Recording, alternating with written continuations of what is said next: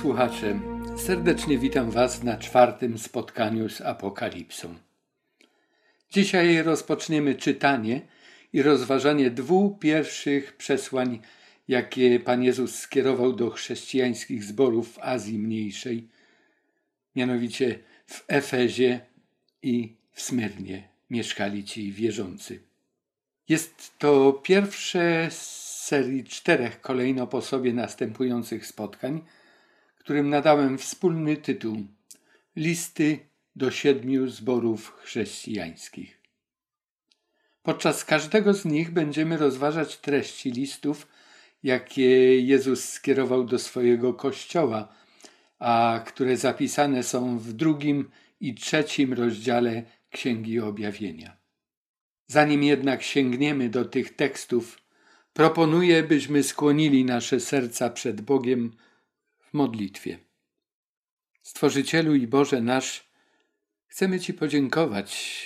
Ja chcę Ci podziękować za to, że pozwoliłeś nam się dzisiaj spotkać, że chcesz nam błogosławić w tym, iż poselstwa, jakie przekazałeś zborom azjatyckim, a które zawierają również i wiele prawd, myśli, pouczeń, napomnień, pocieszeń, obietnic i dla nas żyjących w XXI wieku, że będziemy mogli, czytając je, przyswoić sobie je.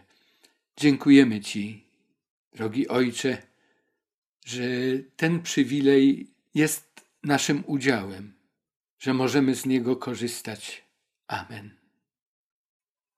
Jak już wspomniałem, podczas najbliższych czterech spotkań będziemy wczytywać się w przesłanie kierowane przez Jezusa Chrystusa do siedmiu zborów obecnych i działających w Azji Mniejszej w pierwszym wieku naszej ery.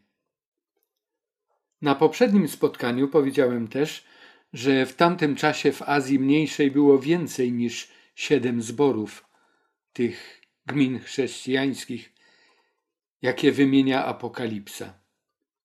Chrystus jednak wybrał spośród nich siedem i do nich skierował swoje listy. Dzisiaj zajmiemy się dwoma pierwszymi listami. Pierwszy wysłany jest do Efezu, a drugi do Smyrny. Zbory te znajdowały się w miastach usytuowanych na szlaku ówczesnych pocztylionów, dostarczających listy i inne przesyłki mieszkańcom Azji. Podobnie jak w tej chwili, tak też na kolejnych spotkaniach, zróżnicowana wielkość i kolor czcionki wskaże nam te zbory, których listy aktualnie będziemy studiować. Pierwszym adresatem listu jest zbór w Efezie.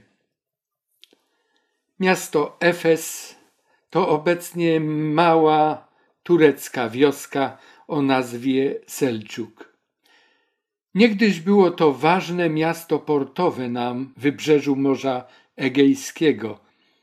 Zostało ono założone około X wieku przed naszą erą. W starożytności panowali tutaj tacy władcy jak Krezus, król Lidii, Cyrus, Pers, a także inni panujący Persowie. Następnie władzę nad nim sprawowali Attalidzi z Pergamonu, a później Rzymianie, władający na tych terenach w czasach, kiedy Chrystus był na tej ziemi i również kiedy list jego dotarł do odbiorców w Efezie.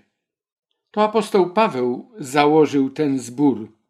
Ważny zbór, duży, liczny, w dużym, strategicznym mieście Azji Mniejszej. Paweł wykonał tę pracę pod koniec trzeciej swojej podróży misyjnej. Założył zbór, a w ogóle to pracował przez trzy lata na tym terenie, gdzie nauczał i gruntował przekonania religijne pierwszych chrześcijan. Głównie wywodzili się oni ze świata pogańskiego. W Księdze Dziejów Apostolskich w osiemnastym rozdziale od wiersza 18 aż do końca 20 rozdziału opisana jest działalność apostoła Pawła w Efezie. W czasie swego pierwszego uwięzienia w Rzymie Paweł napisał też list do Efezjan. List ten znajduje się w kanonie pism świętych Nowego Testamentu. Jest to szczególne przesłanie, z którym warto się zapoznać, gdyż zawiera nauki ważne i aktualne nie tylko dla wierzących w pierwszym wieku, ale dla wszystkich chrześcijan, aż do powtórnego przyjścia Chrystusa.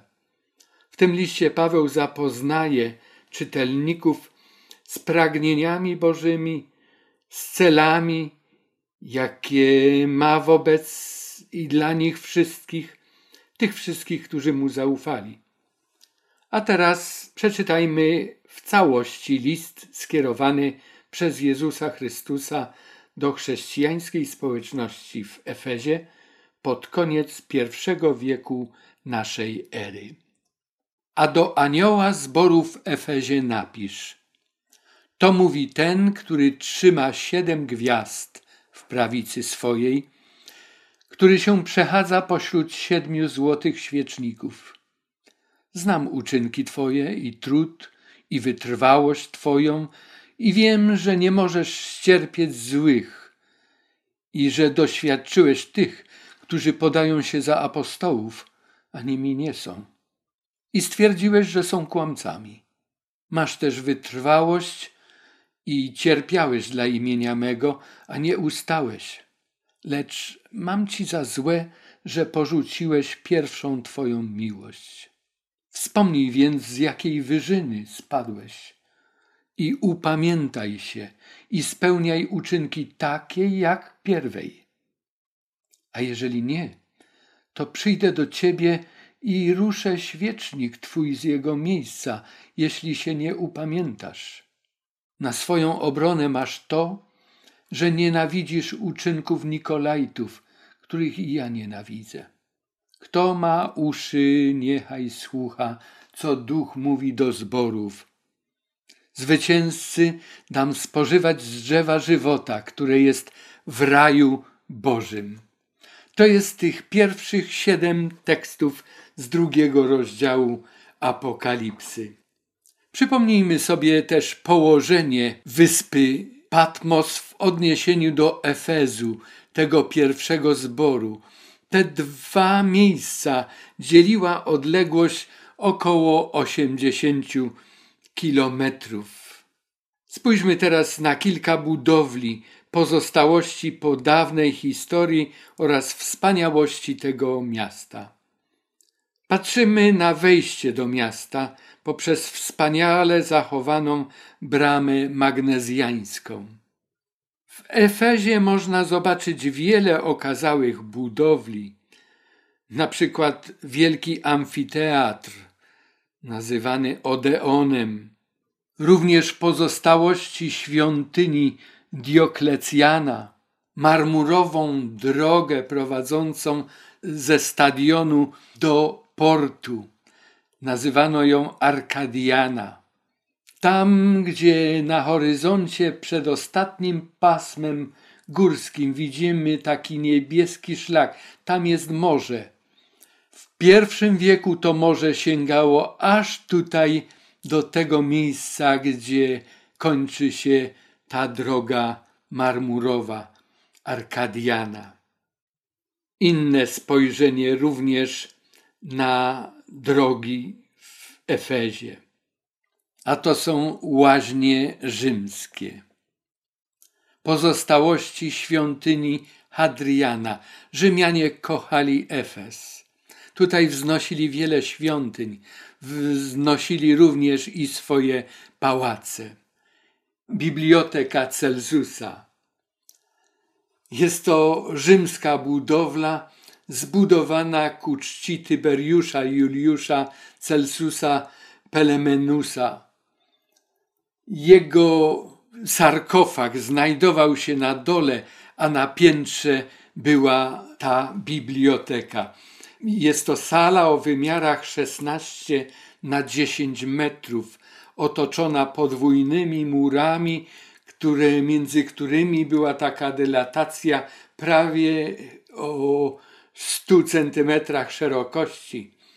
To rozwiązanie miało pomóc zachować stałą wilgotność i temperaturę wnętrza w tej bibliotece. Popatrzmy, jak bibliotekarze w owym czasie dbali o zbiory, a mieli tam w tej bibliotece około 12 tysięcy zwojów, woluminów różnych dzieł. A tutaj mamy Prytaneion, czyli jak gdyby ratusz, siedzibę władz miejskich w Efezie. Efes znany był również z kultu Artemidy Efeskiej czy Diany Efeskiej. E, Księga Dziejów Apostolskich, XIX rozdział, poświęca temu zagadnieniu i przeciwdziałaniu zwolenników i czcicieli Diany Efeskiej, a również rzemieślników, którzy wytwarzali te posążki w starciu z poselstwem apostoła świętego Pawła, gdy głosił o Chrystusie i mówił o tym, jak cudownego mamy Zbawiciela. Nie jest on żadnym posążkiem, nie jest on żadną figurą. Jest on żywym Bogiem i pośrednikiem naszym.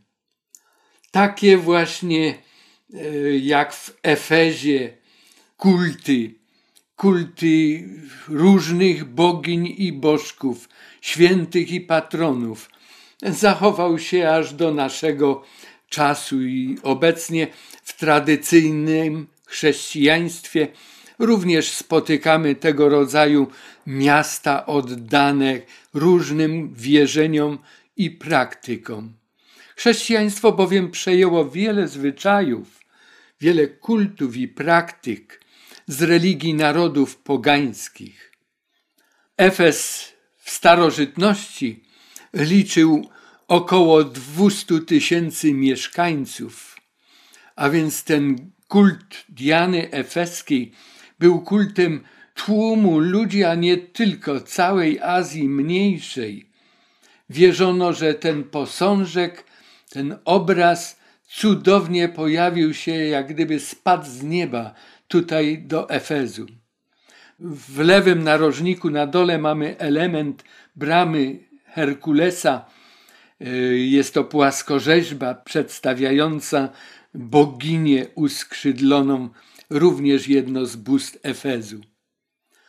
Tu patrzymy na ruiny kościoła dziewicy Marii z baptysterium, dlatego że Jan, apostoł, któremu Chrystus zlecił opiekę nad swoją matką Marią, gdy udał się do Efezu, zabrał również prawdopodobnie i matkę z sobą.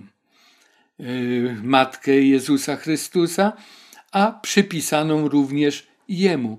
Zwróćmy uwagę na ten otwór, do którego prowadzą stopnie, schody z jednej i z drugiej strony pośród nawy tego kościoła. Wszystkie kościoły chrześcijańskie budowane do XIII wieku miały tego typu zagłębienia, tego typu baseny, jak gdyby wodne.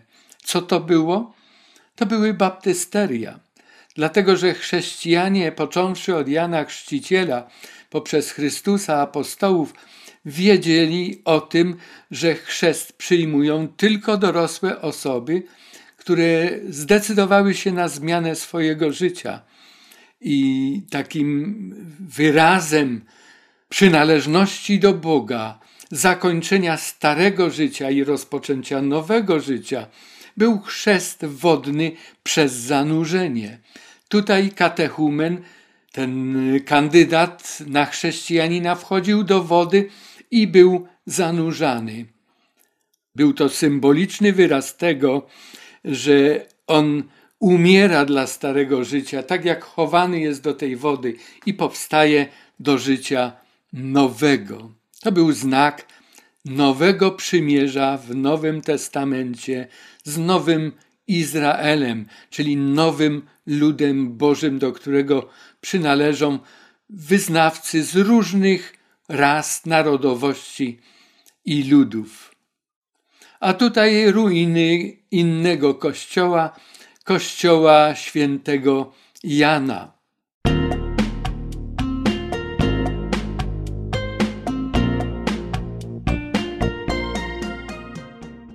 A teraz wróćmy do listu. Czytając pojedyncze wiersze, będziemy starali się rozumieć ich treść. Najpierw wyjaśnimy sobie zapowiedź, od której rozpoczyna się treść każdego z tych siedmiu listów. Do anioła zboru. I tutaj następowała nazwa zboru. W Efezie, w Smyrnie, w Pergamie, w Tyjatyrze, w Sardes, Filadelfii i Laodycei napisz. Tak rozpoczyna się każdy list.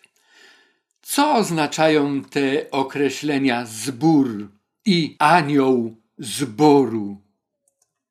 Ta nazwa zbór albo kościół wywodzi się z greckiego rzeczownika eklezja. Eklezja oznacza zgromadzenie, zwołane zgromadzenie. E, to słowo eklezja, ta nazwa, składa się z dwóch słów greckich ek albo ex, co oznacza z, ze, od, na zewnątrz i kaleo, co oznacza wołam, a więc dokładnie połączone razem oznaczają wywołani, wywołane zgromadzenie. Społeczność wywołanych, jak to apostołowie tłumaczyli, ze świata, ze starych poglądów, ze starych przekonań, przejście do innej rzeczywistości, zerwanie z grzechem i przyjście do Jezusa Chrystusa, zerwanie z błędem, z kłamstwem i przyjście do światłości Ewangelii. A zbór co oznacza? Eklezja jest tłumaczone albo jako zbór, albo jako kościół, ale nigdy nie oznacza to budynku. Eklezja, zbór czy kościół to grono ludzi, którzy usłyszeli wezwanie Ewangelii, odpowiedzieli na ten zew i wyszli z dawnych pojęć o Bogu i idą za Jezusem. Teraz poznali go osobiście. Anioł zboru natomiast to powołany przez Boga jego posłaniec, którego zadaniem jest prowadzenie ludu Bożego, tak jak czynił to kiedyś Jan Chrzciciel, też nazwany aniołem Pana, lub Malachiasz, którego imię oznacza Malach Jahw, a więc anioł Jahwe. Oni w czasie swoim na swoich miejscach wykonywali zlecone im zadania. Zadania posłańców, zadania aniołów, bo anioł oznacza posłaniec. Podobnie jak słowo apostoł też oznacza ten, który jest posłany. Co miał Jan napisać do zboru w Efezie? To mówi ten, który trzyma siedem gwiazd w prawicy swojej który się przechadza pośród siedmiu złotych świeczników. To jest treść pierwszego wiersza. Chrystus Pan w równym stopniu interesuje się i troszczy o wszystkie zbory. On je dogląda i zaspokaja wszystkie ich potrzeby. Przechodzi się jak kapłan w świątyni ziemskiej sprawdza, czy wszystko należycie funkcjonuje. On, jako Pan i światło Ewangelii życia wierzących chrześcijan, rozprasza mroki grzechu i zła swoją obecnością. Zbawiciel w swojej prawicy utrzymuje przywódców całego swojego kościoła. Tutaj już pierwszemu zborowi zwraca na to uwagę. On nie koncentruje się wokół jakiejś jednej tylko społeczności. On e, nie tylko jest zainteresowany zborem efeskim, ale wszystkimi siedmioma zborami i całym chrześcijańskim kościołem. Już o tym mówiliśmy, ale powtórzmy to jeszcze raz. Siedem gwiazd to aniołowie siedmiu zborów, a siedem świeczników to siedem zborów. Jezus troszczy się i utrzymuje, nosi, wspiera wszystkich przywódców całego swojego Kościoła. Jest świadomy położenia tego Kościoła, zagrożeń, możliwości. W każdym czasie i sytuacji otacza go pełną swoją troską, a także czuwa nad jego duchowym stanem. Znam uczynki Twoje, czytamy w wierszach drugim i trzecim, i wytrwałość Twoją, i wiem, że nie możesz ścierpieć złych, i że doświadczyłeś tych, którzy podają się za apostołów, a nimi nie są, i stwierdziłeś, że są kłamcami. Masz też wytrwałość i cierpiałeś dla imienia mojego i nie ustałeś. A więc Jezus analizuje stan zboru w Efezie. Zbór jest energiczny, pracowity, cierpliwy, wytrwały w pokonywaniu trudności, niestrudzony, czujny. Jeżeli ktoś pojawia się, kto podszywa się pod chrześcijaństwo, a sieje zamęt, zborownicy w Efezie szybko potrafią go rozpoznać, jest bezkompromisowy, chociaż bardzo często z tego powodu cierpi. Jest zainteresowany prawdą, jest doktrynalnie poprawny, nie dopuszcza błędnych nauk, demaskuje fałszywych apostołów. Apostoł Paweł, pisząc list do Koryntian, również ich ostrzegał przed takimi ludźmi, którzy będą się podszywali, będą markowali to, że są apostołami Chrystusa, ale nie mają z Chrystusem nic wspólnego i ich życie było zaprzeczeniem słów.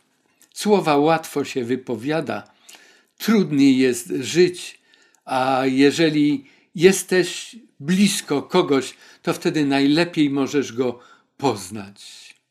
A więc energia, wytrwałość, cierpliwość, bystrość, przenikliwość, doktrynalna poprawność, czystość nauki i gorliwe zabieganie o to, któż by nie chciał należeć do takiego zboru, prawda? Ale istnieje jeden mały problem. Zbór ten zaniedbuje i traci, porzuca coś, co stanowi największą wartość w życiu chrześcijańskim. Chrystus powiedział: Mam ci za złe, że porzuciłeś pierwszą Twoją miłość. Przypomnijmy sobie, gdy po raz pierwszy zetknęliśmy się z nauką ewangeliczną, z Chrystusem, z Ewangelią, z prawdą Bożą. Ile radości, ile miłości do wszystkich ludzi w nas wówczas się obudziło jak byliśmy życzliwi wszystkim, jak wzajemnie siebie szanowaliśmy i kochali. Ale w miarę upływu czasu szatan czyni wszystko, aby sprowadzić nas jak po równi pochyłej. I później, gdy już jesteśmy na dole, widzimy przepaść, która nas dzieli od pierwotnego naszego stanu. Chrześcijaństwo jest pełne paradoksów Czasami trudno jest uporać się z tymi paradoksami i przeciwieństwami, z którymi mamy do czynienia na co dzień. No bo z jednej strony jesteśmy wezwani do prężnego działania, do poprawności w nauce i wierze, a z drugiej strony do miłości i miłosierdzia wobec błądzących i słabych. To czasem jest niezwykle trudne. Jak to pogodzić? i być naturalnym. Tu nie chodzi o nakładanie masek. Czuwanie nad wiernością ludzi przy równoczesnym okazywaniu im miłości nie jest łatwe. Wielokrotnie stawia nas to wobec poważnych dylematów. Efezjanie bardzo zwracali uwagę na doktrynalną poprawność w życiu i działaniu. Podkreślali oni ważność wierności Bożym przykazaniom, lecz przy tym zaniedbywali okazywanie chrześcijańskiej łagodności i miłości. Pragnienie i dążenie do gorliwości doktrynalnej i zdecydowanego działania w ramach prawa niestety często prowadzi do szorstkości w zachowaniu oraz do zaniedbań w zakresie szczerej miłości, która jest oznaką dojrzałego chrześcijaństwa. Jezus powiedział: Nowe przykazanie wam daję, abyście się wzajemnie miłowali, jak ja was umiłowałem, abyście się i wy wzajemnie miłowali. Potem wszyscy poznają, żeście uczniami moimi, jeśli miłość wzajemną mieć będziecie. Efez jest zborem bardzo mocnym na gruncie zasad wiary i zdecydowanego działania. Okazał się jednak słaby, jeśli chodzi o dojrzałą miłość.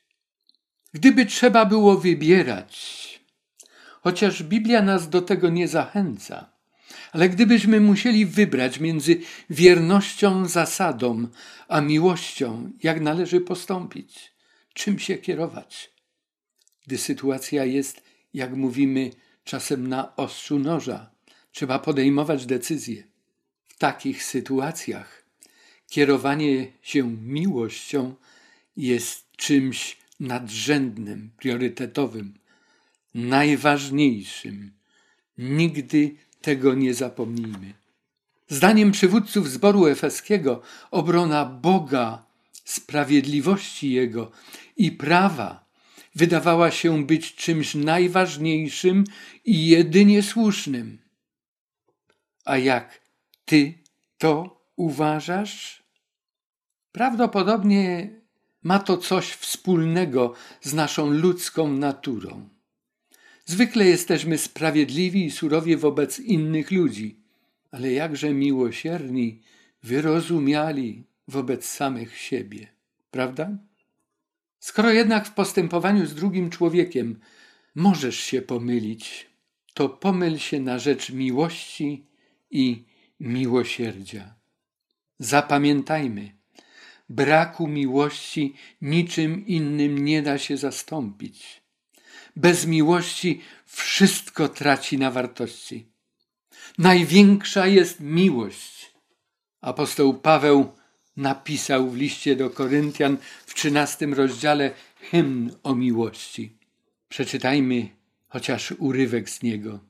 Choćbym mówił językami ludzkimi i anielskimi, a miłości bym nie miał, byłbym miedzią dźwięczącą lub cymbałem brzmiącym.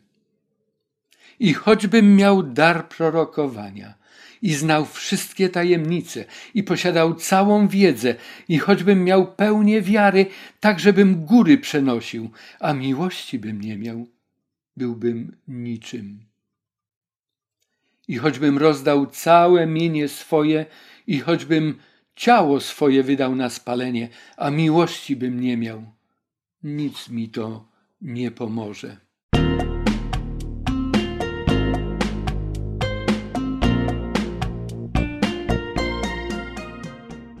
To, co działo się w Efezie, było jak gdyby powtórką z historii, smutnej historii Izraela starotestamentowego. Bóg przez proroka woła i mówi: Idź i wołaj do uszu Jeruzalemu tymi słowy. Tak mówi Pan. Pomnę na miłość Twojej młodości, na uczucie czasu Twojego narzeczeństwa, gdy chodziłeś za mną na pustyni, w kraju nieobsiewanym. Mój lud popełnił dwojakie zło mnie, źródło wód żywych, opuścili, a wykopali sobie cysterny, cysterny dziurawe, które wody zatrzymać nie mogą. A przecież to ja zasadziłem cię jako szlachetną winorośl, cały szczep prawdziwy. A jakże mi się zmieniłeś na krzew zwyrodniały, na winorośl dziką, wołał Jeremiasz już na początku swojej proroczej posługi w Jeruzalemie. W doświadczeniu zboru efeskiego odnajdujemy powtórzenie smutnej historii narodu izraelskiego. Zapomnijmy o tamtych ludziach, o tamtych czasach. Popatrzmy na siebie w zwierciadle rzeczywistości. Czy tamta smutna historia nie znajduje kolejnego odbicia we mnie? Efezjanie zdecydowali się na zajmowanie pozycji opartej na mocnym, doktrynalnym gruncie, na aktywnej działalności i zaangażowaniu. Potrafili świetnie radzić sobie z niewłaściwymi naukami. Byli świetnymi dyskutantami, którzy chyba wszystkie dyskusje wygrywali.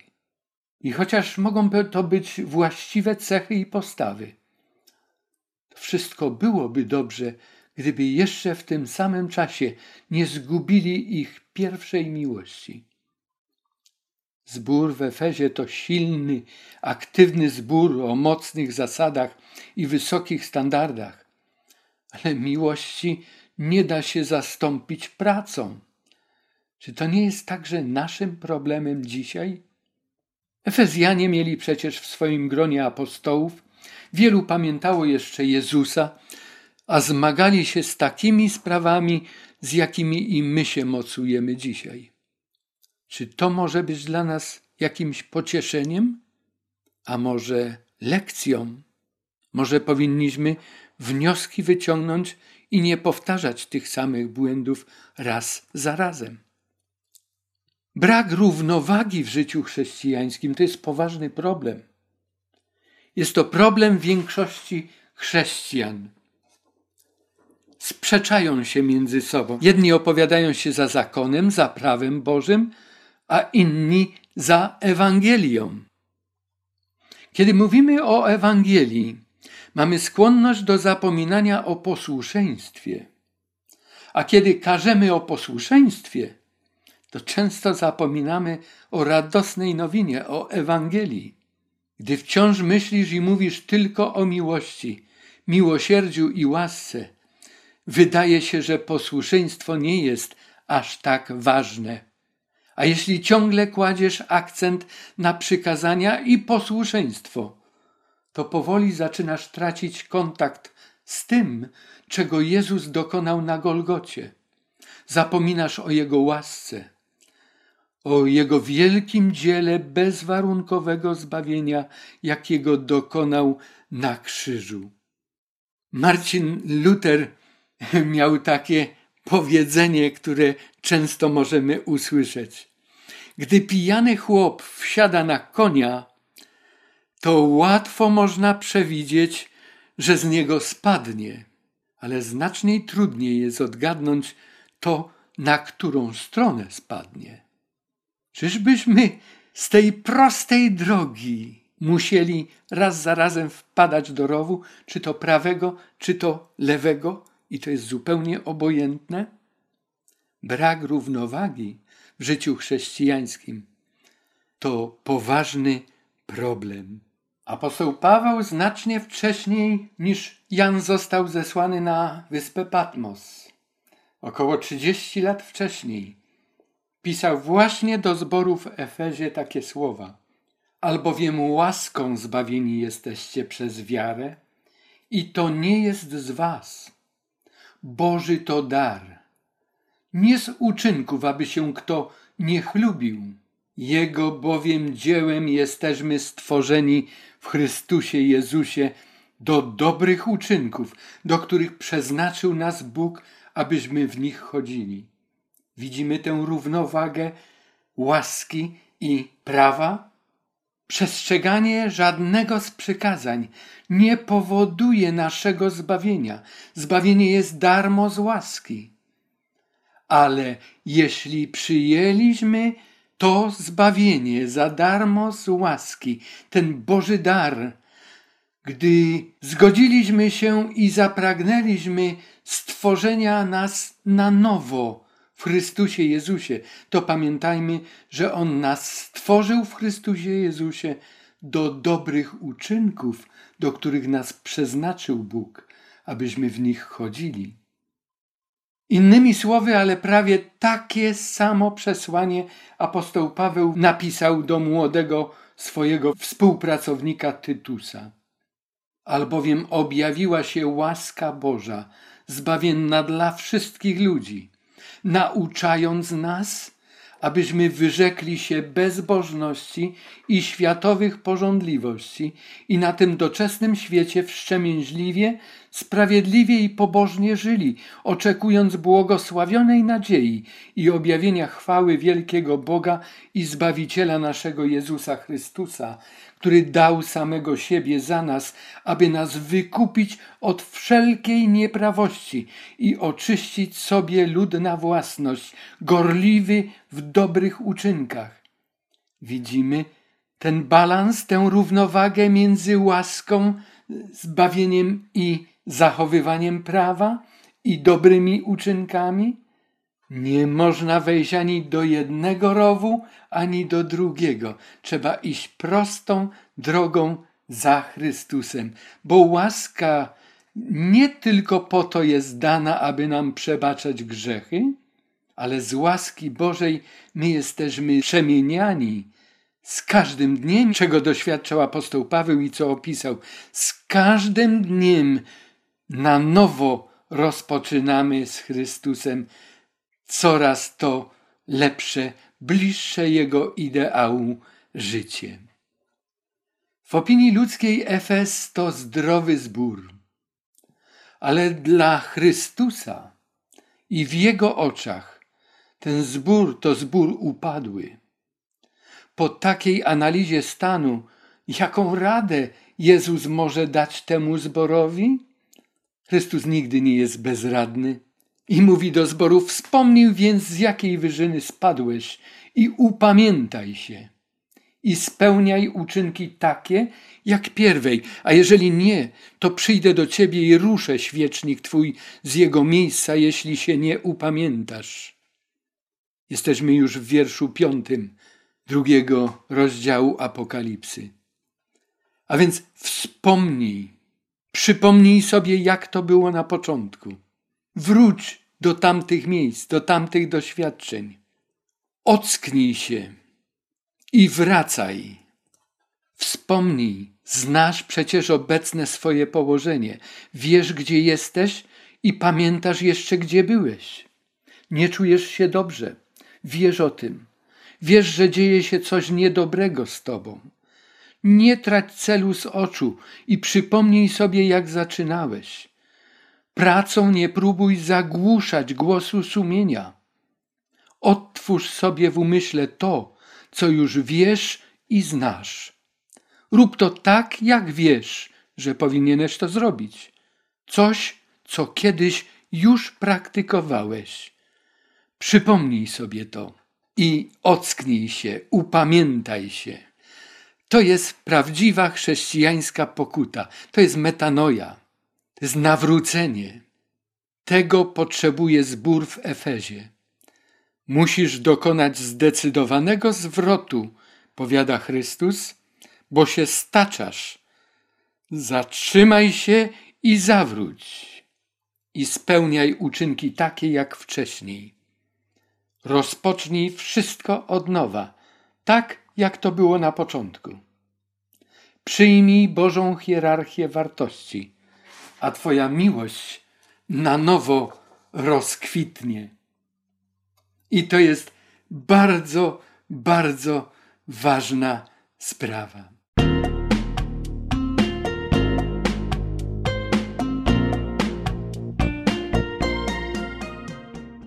Na swoją obronę masz to, że nienawidzisz uczynków Nikolajtów, których i ja nienawidzę.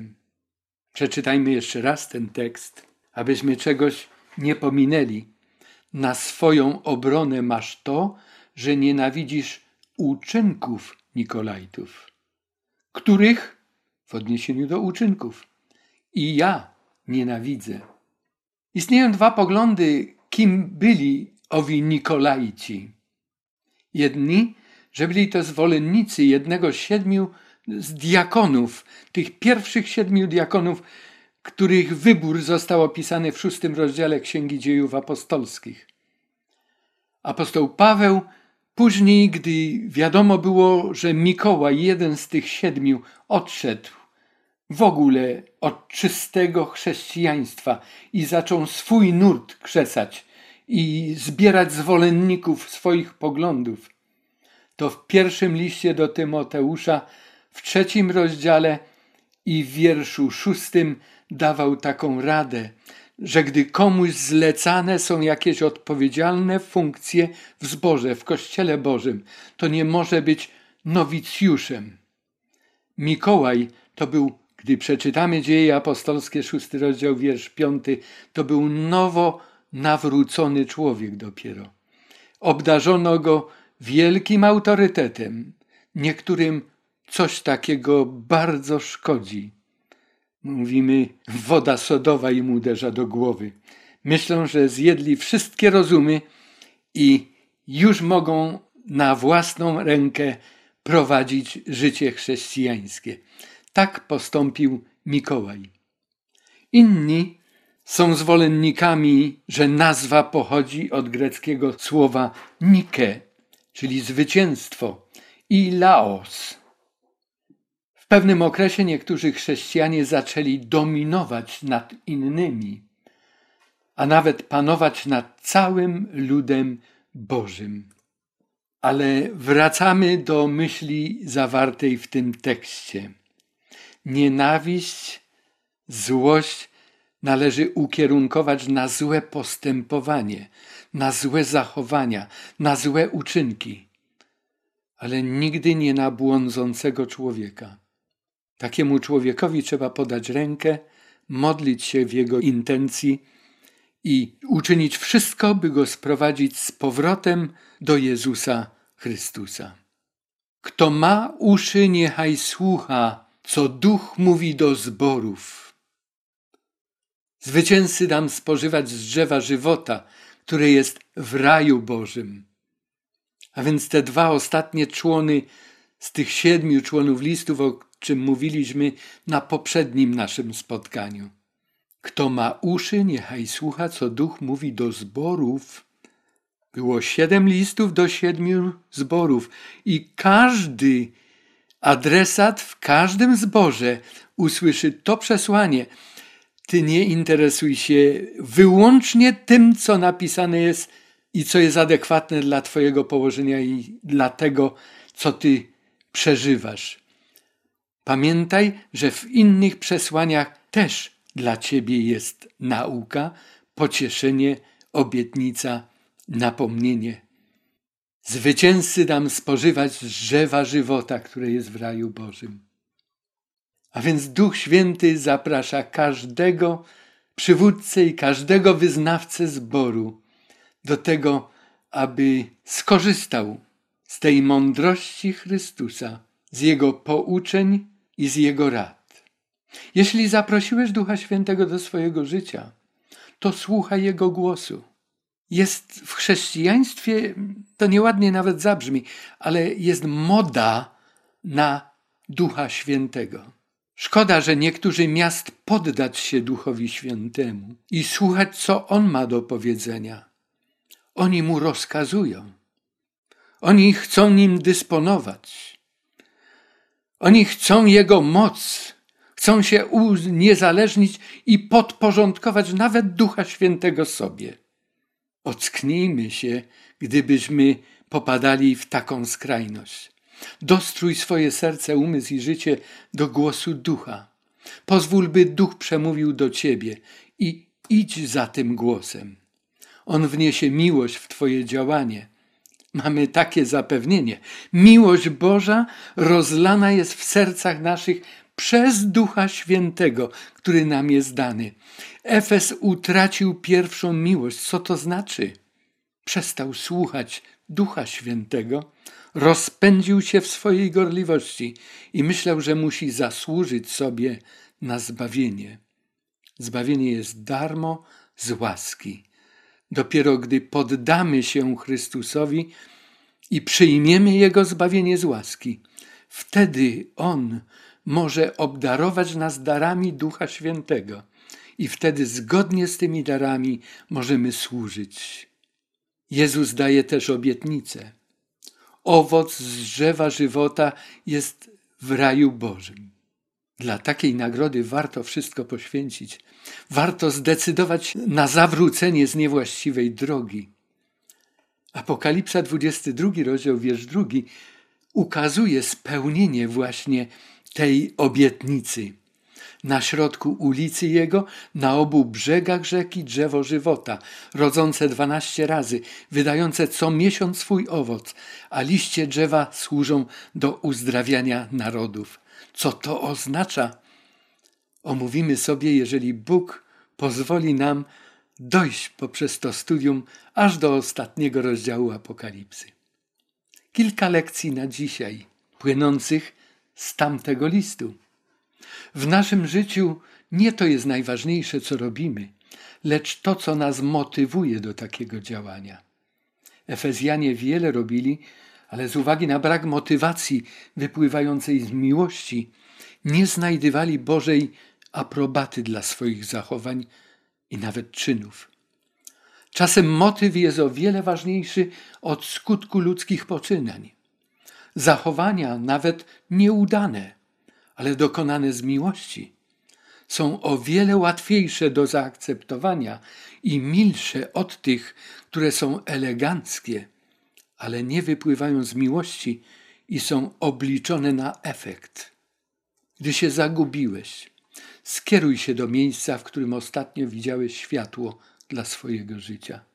Jeśli oddalasz się od Boga i zauważyłeś, że jesteś inny niż powinieneś być w swoim chrześcijaństwie, to warto zawrócić, warto rozpocząć wszystko od nowa. Przypomnij sobie, jak to było, gdy byłeś blisko Jezusa. Czyń znowu to, co sprawiało, że Twoja wiara, nadzieja, miłość napawały Cię radością, pokojem. W chrześcijaństwie jest dokładnie w stosunkach naszych z Chrystusem tak, jak w pożyciu małżeńskim. Czasem między małżonkami dochodzi do rozdźwięków, ale właśnie przypomnienie sobie, jak to było na początku, wszystko sprowadza do normalności. Jeżeli znajdujesz się w sytuacji, w której nie masz pewności i nie wiesz, jak się zachować, jak postąpić, a musisz zająć jakieś stanowisko, to nawet jeśli odczuwasz, że się pomylisz, to zrób to dla dobra drugiego człowieka. Gdy trzeba załatwić trudną sprawę, a nie masz dobrego jej rozeznania, a musisz podjąć decyzję, to lepiej będzie, gdy pomylisz się na korzyść łaski, miłości i dobroci, a nie sprawiedliwości i prawa. Nikt nie potrafi miłować, jeśli wcześniej nie jest miłowany. Apostoł Jan napisał: Miłujemy Boga, gdyż On nas wcześniej umiłował. Bożą miłość i Jego akceptację możemy zrozumieć i przyjąć jedynie dzięki Ewangelii i łasce, czyli poprzez przyjęcie wiarą tego, co Jezus już dla nas dokonał. Jeżeli zbór traci kontakt z tą podstawową wartością Ewangelii, wtedy zamiast leczyć, będzie kaleczył ludzi. Nawet w takim przypadku, gdy sam będzie oddany czystym zasadom wiary. Ale to będzie tylko teoria.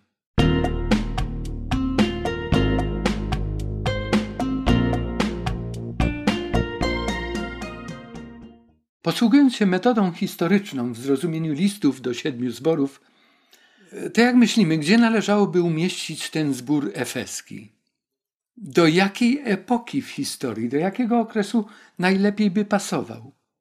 Jako pierwszy zbór najtrafniej można by go umieścić w okresie apostolskim i poapostolskim, wtedy kiedy żył jeszcze Jan. Kościół chrześcijański miał wspaniały początek, ale w sędziwości Jana do zborów dzierało się coraz więcej nieprawidłowości. Dokładnie to samo obserwujemy w zborze efeskim. Cudowny start, świetna opinia, a po pewnym czasie problemy i kłopoty. Wszystko dzieje się tylko z jednego powodu: porzucenie pierwszej miłości. Próba zastąpienia jej dobrymi naszymi uczynkami. A więc wszystko przemawia za tym, że to poselstwo charakteryzuje chrześcijaństwo pomiędzy 31 a setnym rokiem naszej ery. A więc to są pierwsze dwa pokolenia, może już trzecie ery chrześcijańskiej. Taki był stan zboru w Efezie. Podobny też był początek ery chrześcijańskiej. Ale jakie będą jej dalsze losy? O tym dowiemy się już z listu Jezusa do zboru w Smyrnie. A do aniołu zboru w Smyrnie napisz. To mówi pierwszy i ostatni, który był umarły, a ożył. Znam ucisk twój i ubóstwo, lecz tyś bogaty. I wiem, że bluźnią tobie ci, którzy podają się za Żydów, a nimi nie są, ale są synagogą szatana. Nie lękaj się cierpień, które mają przyjść na cię. Oto diabeł wtrąci niektórych z was do więzienia, abyście byli poddani próbie i będziecie w udręce przez dziesięć dni. Bądź wierny aż do śmierci, a dam ci koronę żywota. Kto ma uszy, niechaj słucha, co duch mówi do zborów. Zwycięzca nie dozna szkody od drugiej śmierci. Smyrna to dzisiejszy Izmir, potężne miasto tureckie. Ze starej Smyrny zostały tylko szczątki, tylko pozostałości. Tak wygląda ulica w dawnej Smyrnie. Smyrneńska Agora. Właśnie te arkady świadczą o tym, jak potężne stały tu niegdyś budowle. Agora to nic innego jak takie targowisko, jak rynek miejski. Tutaj patrzymy na ruiny bazyliki, pierwszej z bazylik chrześcijańskich. Jeszcze raz to targowisko. Kościół smerneńskiego męczennika, istniejący jeszcze kościół, zbudowany znacznie później niż czas, w którym Smyrna otrzymała list z wyspy Patmos, ale odrestaurowany, znowu doprowadzony do świetności przez Kościół prawosławny. Tym smyrneńskim męczennikiem jest Polikarp który w drugiej połowie II wieku został zamordowany. Smyrna przeżywała bardzo wiele trudnych momentów. Ostatni wielki pożar i pogrom chrześcijan w Smyrnie y, został zrealizowany od 14 do 17 września 1922 roku. Od tamtego czasu chrześcijanie, bo nie tylko ich dzielnica została spalona, ale oni wymordowani, reszta wypędzona, i to był prawie że koniec chrześcijaństwa na tych terenach. Do anioła zboru w Smyrnie napisz, to mówi pierwszy i ostatni, który był umarły, a ożył. Tak przedstawia się Jezus Chrystus temu właśnie zborowi. Tamtejszym biskupem w czasie, gdy ten list był pisany, przed napisaniem w zasadzie listu, był Jan. Później jeden z chrześcijan nazywał się Polikarp, który zastąpił Jana. Znał się osobiście z Janem to jest ten właśnie Polikarp, który z rozkazu rzymskiego namiestnika został spalony na stosie. Znam Twój ucisk, znam ubóstwo, ale Ty jesteś bogaty. Wiem, że bluźnią Tobie ci, którzy podają się za Żydów, a nimi nie są, ale są synagogą szatana. Smyrna to obecnie Izmir. Dwa do trzech milionów mieszkańców, potężne miasto. Zmartwychwstały Chrystus przeanalizował stan i sytuację tamtego zboru smyrneńskiego. Powiedział: Znam Twój ucisk. Jak empatycznie podchodzi do tego Jezus Chrystus. Znam, bo sam doświadczyłem takiego życia. Doświadczyłem zdrady, zapomnienia, cierpienia prześladowania. Ucisk jest czymś, co zwykle dotyka nas z zewnątrz.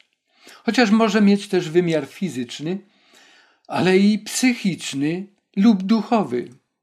W tym konkretnym przypadku zbór w Smyrnie doświadcza tego ucisku dlatego, że jest wierny Bogu. Znam ucisk Twój i ubóstwo. Ubóstwo w języku greckim znaczy nędza, nawet skrajna nędza. Sytuacja taka, w której brak zaspokojenia podstawowych potrzeb, kiedy człowiek może nawet przymierać głodem. Ale wtedy, jako chrześcijanie, chwytamy się obietnic i Bóg przysyła ratunek. Apostoł Paweł napisał: Znacie łaskę Pana naszego Jezusa Chrystusa, że On sam, będąc bogatym, stał się dla Was ubogim, abyście ubóstwem Jego zostali ubogaceni. Jest też bogaty, mimo ubóstwa, mimo ucisku. I nie chodzi tu wcale o bogactwo materialne. Chodzi o to duchowe bogactwo, o to bogactwo, którego nikt inny poza Bogiem ci nie da i nikt ci go nie może zabrać. Może ci zabrać nawet życie, ale nie zabierze ci tego dziedzictwa, które przygotował ci Twój Zbawiciel. Jest to duchowe dziedzictwo, duchowe bogactwo, dla którego Chrystus stał się ubogim, aby móc nas tym ubóstwem ubogacić, abyśmy nie pokładali ufności w tych materialnych dobrach. W tym względzie Smyrna jest dokładnie w odwrotnej sytuacji niż zbór w Laodycei. Zbór w Laodycei, czyli siódmy zbór, do którego też list jest wysłany, ma taką opinię. Mówisz, bogaty jestem, wzbogaciłem się, niczego nie potrzebuję, a nie wiesz, żeś pożałowania godzien nędzarz i biedak. A więc popatrzmy, czasem mamy o sobie różne pojęcia, zresztą zawsze mamy jakieś pojęcia. I nie zawsze one pokrywają się, nie zawsze one są zgodne z rzeczywistością, którą Chrystus dokładnie zna. Bluźnią tobie ci, którzy podają się za Żydów, a nimi nie są, ale są synagogą szatana. Kościół był zniesławiany. Ludzie psuli mu opinię. W tym względzie zbór ten podobny był do Jezusa, którego zniesławiano. Prześladowanie ze strony Żydów cierpiało wielu chrześcijan.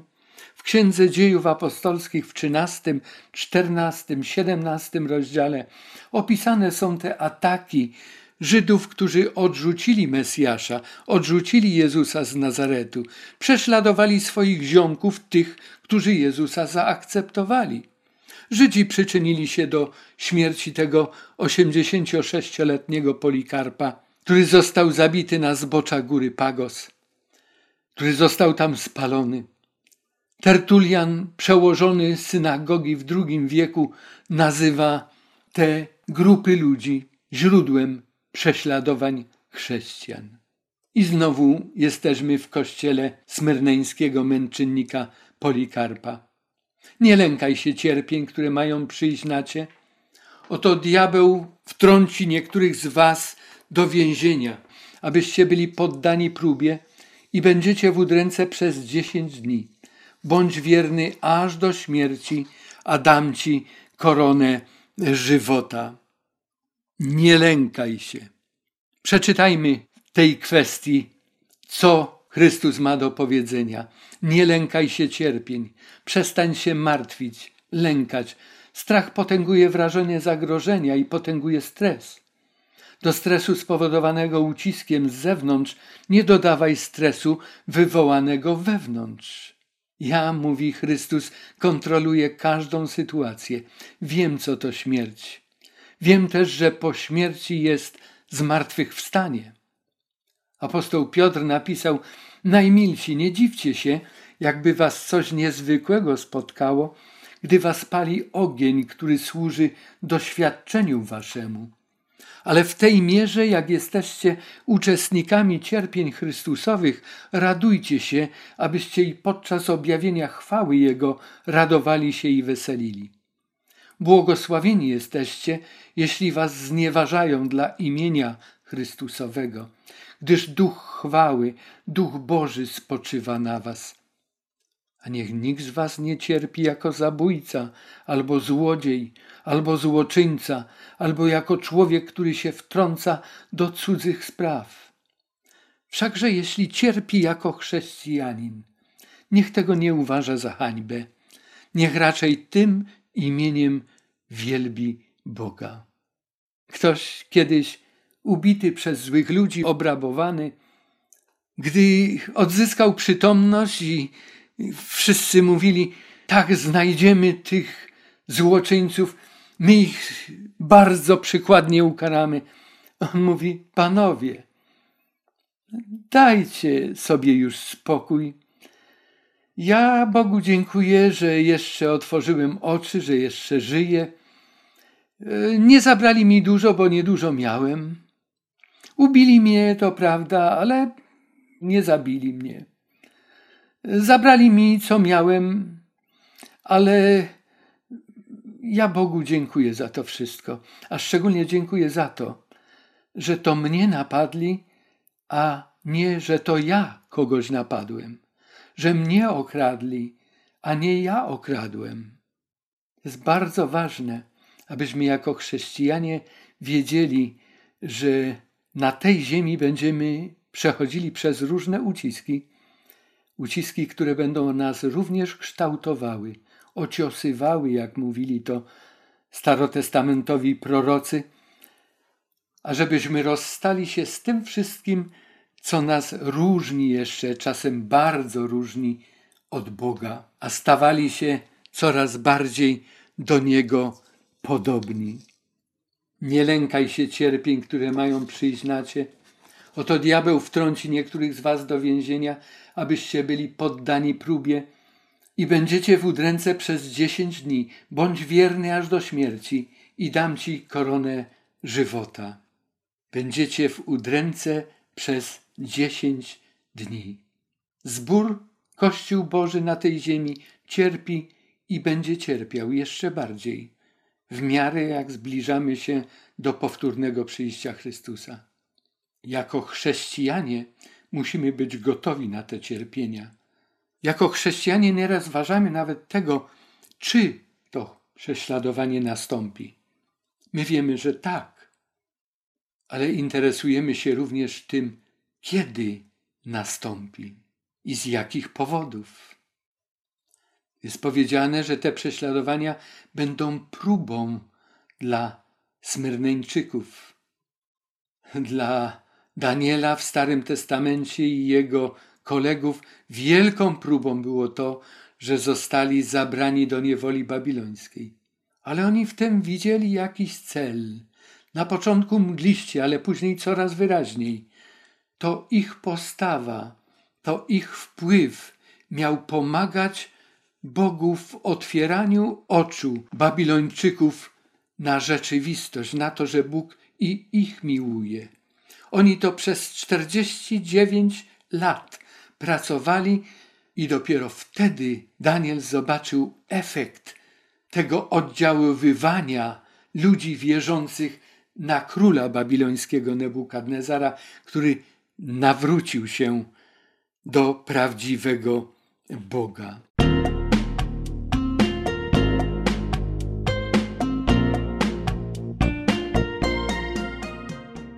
Podobnie jak Daniel, zbór w Smyrnie doświadczy krótkiego, ale mocnego okresu trudności i prześladowania.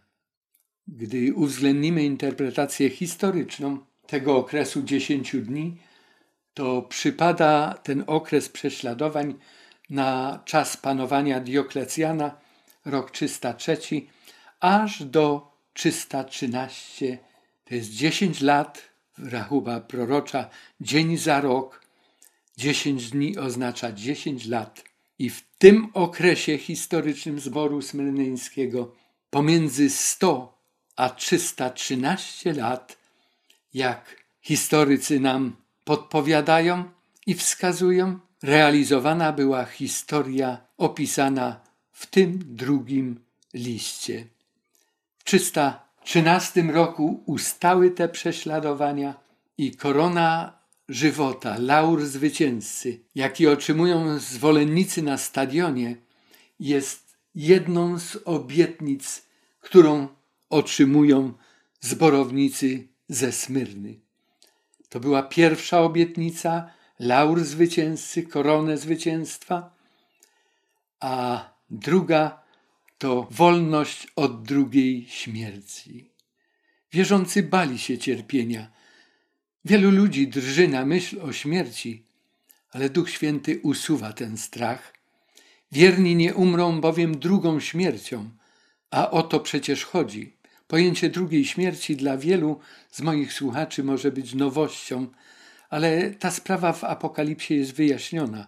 W odpowiednim momencie wyraźnie zrozumiemy, dlaczego Biblia mówi o drugiej śmierci. Pierwszą śmierć Biblia nazywa snem, a od drugiej, która jest unicestwieniem grzesznych ludzi, jesteśmy uratowani przez Jezusa Chrystusa. Bo jako wierzący w Niego zostaniemy przemienieni i zabrani do Jego chwały. Paweł w liście do Rzymian napisał: Sądzę, że utrapienia teraźniejszego czasu nic nie znaczą w porównaniu z chwałą, która ma się nam objawić. I znowu to wezwanie: kto ma uszy, niechaj słucha, co duch mówi do zborów. Smyrneńczycy powinni zaznajomić się z treścią wszystkich pozostałych listów. Poselstwo ducha ukoi i nas i Ciebie, i mnie. Odbierze trwogę, a w zamian wzmocni wiarę, nadzieję, miłość, które eliminują strach. Jakie lekcje możemy z poselstwa do Smyrny wydobyć dla samych siebie? Czasami jesteśmy jak wyznawcy zboru w Smyrnie. Jest tak wiele spraw, nad którymi nie mamy władzy, których nie potrafimy kontrolować. Często też boimy się ludzi, boimy się tego, co mogą o nas myśleć, mówić, boimy się sytuacji nieznanych, choroby, bólu. Jezus nam radzi: nie lękaj się. Ale jak to się robi? Odpowiedź znajdziemy w pierwszym liście Jana w czwartym rozdziale. W miłości nie ma bojaźni. Wszak doskonała miłość usuwa bojaźń, gdyż bojaźń drży przed karą. Kto się więc boi, nie jest doskonały w miłości. Miłujmy więc, gdyż On nas przedtem umiłował. Na człowieka, który boi się Boga, a to jest inna bojaźń, nikt inny nie wywiera silniejszego wrażenia. Żyje on pod kontrolą Boga ufa Bogu w każdych okolicznościach, gdyż Bóg je wszystkie zna i nie zezwala na nic w naszym życiu, co nie przyczyniałoby się dla naszego dobra. Wiemy, że Bóg współdziała we wszystkim ku dobremu z tymi, którzy Boga miłują, to jest z tymi, którzy według postanowienia Jego są powołani. Bóg nie dopuszcza do sytuacji, w których nie moglibyśmy sobie dać rady, chociaż wiemy, że nie dajemy sobie rady z wieloma sprawami, dlatego że chcemy je sami rozwiązywać. To się dzieje zwykle wtedy, gdy oddalamy się od Boga, wybieramy naszą własną drogę albo robimy coś, czego Bóg nie może zaaprobować. Jeśli idziemy przez życie z Bogiem, On nie dopuszcza do sytuacji, w których korzystając z Jego mocy, nie moglibyśmy odnieść zwycięstwa.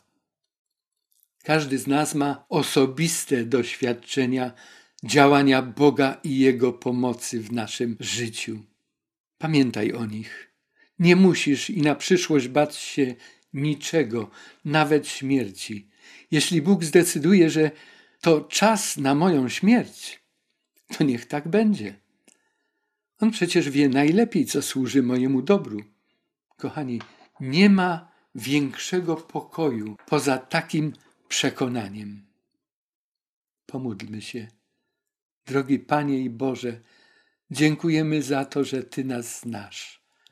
Dziękujemy, że w każdych okolicznościach życia jesteś z nami, że Ty znasz nasze smutki, nasze rozterki, nasze obawy, strachy Dopomóż nam, abyśmy od tej pory zaczęli inaczej myśleć o naszej przyszłości, o naszej społeczności, naszym chodzeniu z Tobą.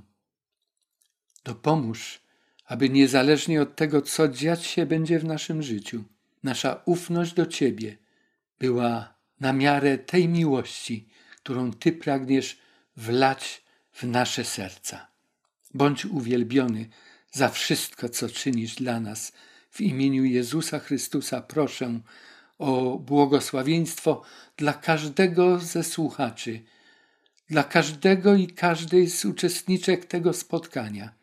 Niech Twój pokój, który przewyższa wszelkie poznanie, szerze serc i myśli naszych w Chrystusie Jezusie Panu naszym.